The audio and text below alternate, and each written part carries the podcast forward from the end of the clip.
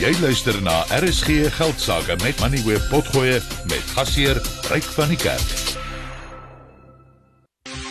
RSG Geldsaake met Money Web elke week saam tussen 6 en 7. Lulu Kriel is nou op die lyn. Sy is die hoofekonoom van PwC in Afrika. Lulu, baie welkom by die program. Uh kom ons begin wat vir my uitgestaan het en ek dink baie mense se wenkbroue sou gelig gelig het. Uh, ons het 'n primêre surplus, uh, surplus van 6,7 miljard rand. En dit is basies as jy die totale uitgawes van die regering aftrek van die inkomste, dan is daar geld oor en dis iets wat nie in 15 wel, dit het 15 jaar laas gebeur. Uh wat het jy daarvan gedink? Ja, reg, dis uh, dis definitief goeie nuus, maar ek dink ons moet ook nie uit die oog verloor dat ons nog steeds as 'n mens kyk na die gekonsolideerde begroting, ehm um, 'n uh, 'n uh, 'n verlies het nie. Hoewel daardie verlies lyk baie beter. Ek dink is wat ons sê 2 of 3 jaar terug toe ons in die middel van Covid was verwag het. Ons het toegedink ons gaan na 'n begrotingstekort van 7 of 8% uh, kyk. So ehm um, hier oor 3 jaar se tyd, uh, lyk dit asof ons nader aan die 3% kan begin kom.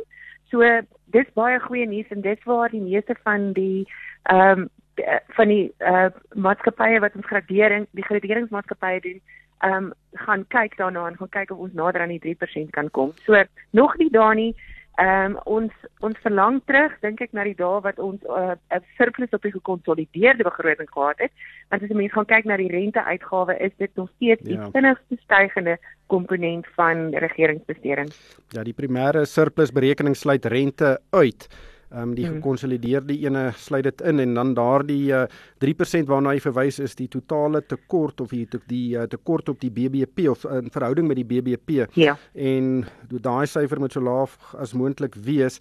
Ehm um, maar as mens dan gaan bykyk of gaan ook kyk na die uh die totale skuld van die regering. Ehm um, lyk dit of ons gaan stabiliseer hier rondom 73% van BBP. Nou dit is 'n hoë persentasie, maar dit sluit in die skuld wat Eskom nou wel wat die regering nou van Eskom oorgeneem het. Uh, wat is jou siening oor daardie deel van ons fiskale posisie?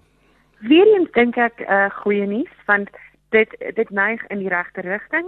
Dit uh, neig nou konstant in die regte rigting en ek dink vir vir die tweede jaar in 'n ry nou, ehm um, lyk daardie syfers beter as wat ons verwag het.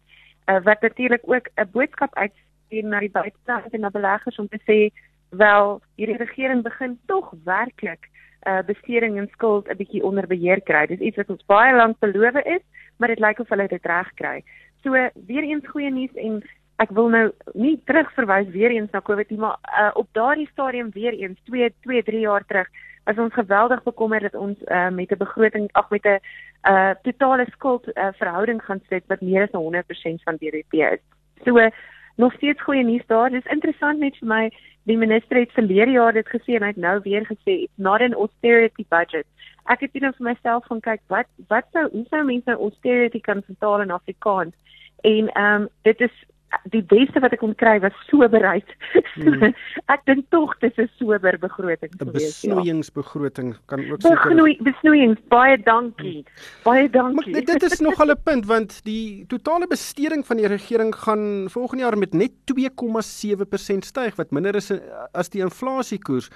Nou toe ek daardie syfer gesien het ek gedink hoe uh, uh, hoe moontlik is dit vir die regering om daarby te kan hou? Is dit implementeerbaar? Hulle het 'n paar uh, risiko's aangedui en ek dink die grootste daarvan hoewel die minister baie pertinent gesê het ons gaan nie probeer om om dit te vooruitskat in die begroting nie is wat met die salarisrekening gaan gebeur en ons weet daar's reeds baie druk ehm um, vanuit vanuit die vakbonde af om om dit met meer as wat die begroting op hierdie stadium beoog uh, te verhoog en met meer as inflasie ook. So ehm um, ek dink mense het ook simpatie tot 'n mate want ek dink almal van ons het geweldig uh, onder druk gegaan van inflasie, maar mm. dis een van die belangrikste faktore en dan natuurlik die ander baie baie belangrike faktor is uh, wat gaan gebeur met belasting uh, belasting in, uh, innames en belasting inkomste um, mm. aan die regering. Dit het die laaste paar jaar verras aan die positiewe kant. Dit is nou ook 'n bietjie hoër, um, omtrent 100 miljard rand, so ja. nie so baie nie. Maar ehm um, ons weet as mens gaan kyk na wat met met ehm um, mynbou byvoorbeeld gebeur het, daardie belastinginkomste wat van daar af gaan kom, gaan nie voortduur in die toekoms nie. En dan slegte nuus ook, die SAL kry 'n miljard rand, dan is daar ook uh geld wat gaan aan die poskantoor aan uh Denel aan Transnet en en dis meer dit lyk net asof die staatsbeheerde instelling steeds maar 'n groot swart gat bly.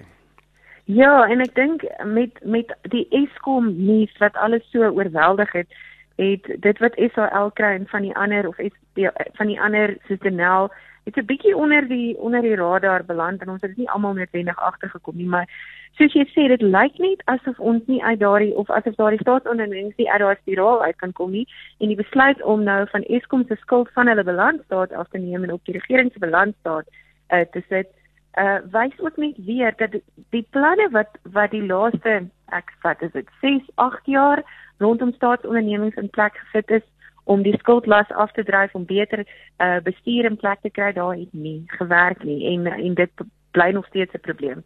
Um 'n mens kan natuurlik vra en uh, daar's oor die 200 verskillende tipe staatsondernemings. Is almal van hulle nodig en kan baie van hulle nie beter deur die private sektor bestuur word nie of is daar nog plek vir hulle in in in die ekonomie soos wat dit is?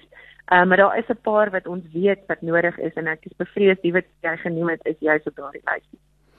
Dan net laastens sosiale toelaag. Daar was nie groot aankondigings nie behalwe dat die R350 toelaag nog vir die volgende jaar betaal gaan word en die ander toelaag is uh, met die basies met die inflasiekoers verhoog.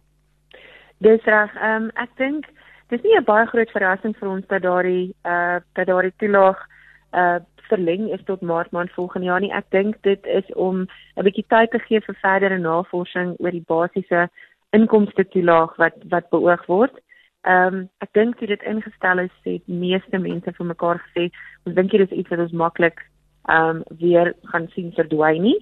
So en ek dink ook die minister het gesê ehm um, nie belastingverhogings nou nie, maar as ons daardie tipe van toelaag in die toekoms moet ehm um, moet kan betaal vanuit 'n regeringsperspektief, ehm um, gaan daar moontlike belastingverhogings wees. Weet daar is praatjies rondom dit al in in 'n paar plekke. Voorbeeld kan die inkomste diens meer is belasting invorder dat 'n belastingverhoging nie nodig is nie maar Lulu ons sal dit daarmee los dankie vir jou tyd vanaand dit was Lulu Kriel sy is die hoofekonoom van PwC in Afrika Jy het geluister na RSG geldsaake met Money where potgoe elke weeksdag om 7 na middag. Vir meer Money where potgoe besoek moneyweb.co.za of laai die toepassing af en volg Moneyweb news om dagliks op hoogte te bly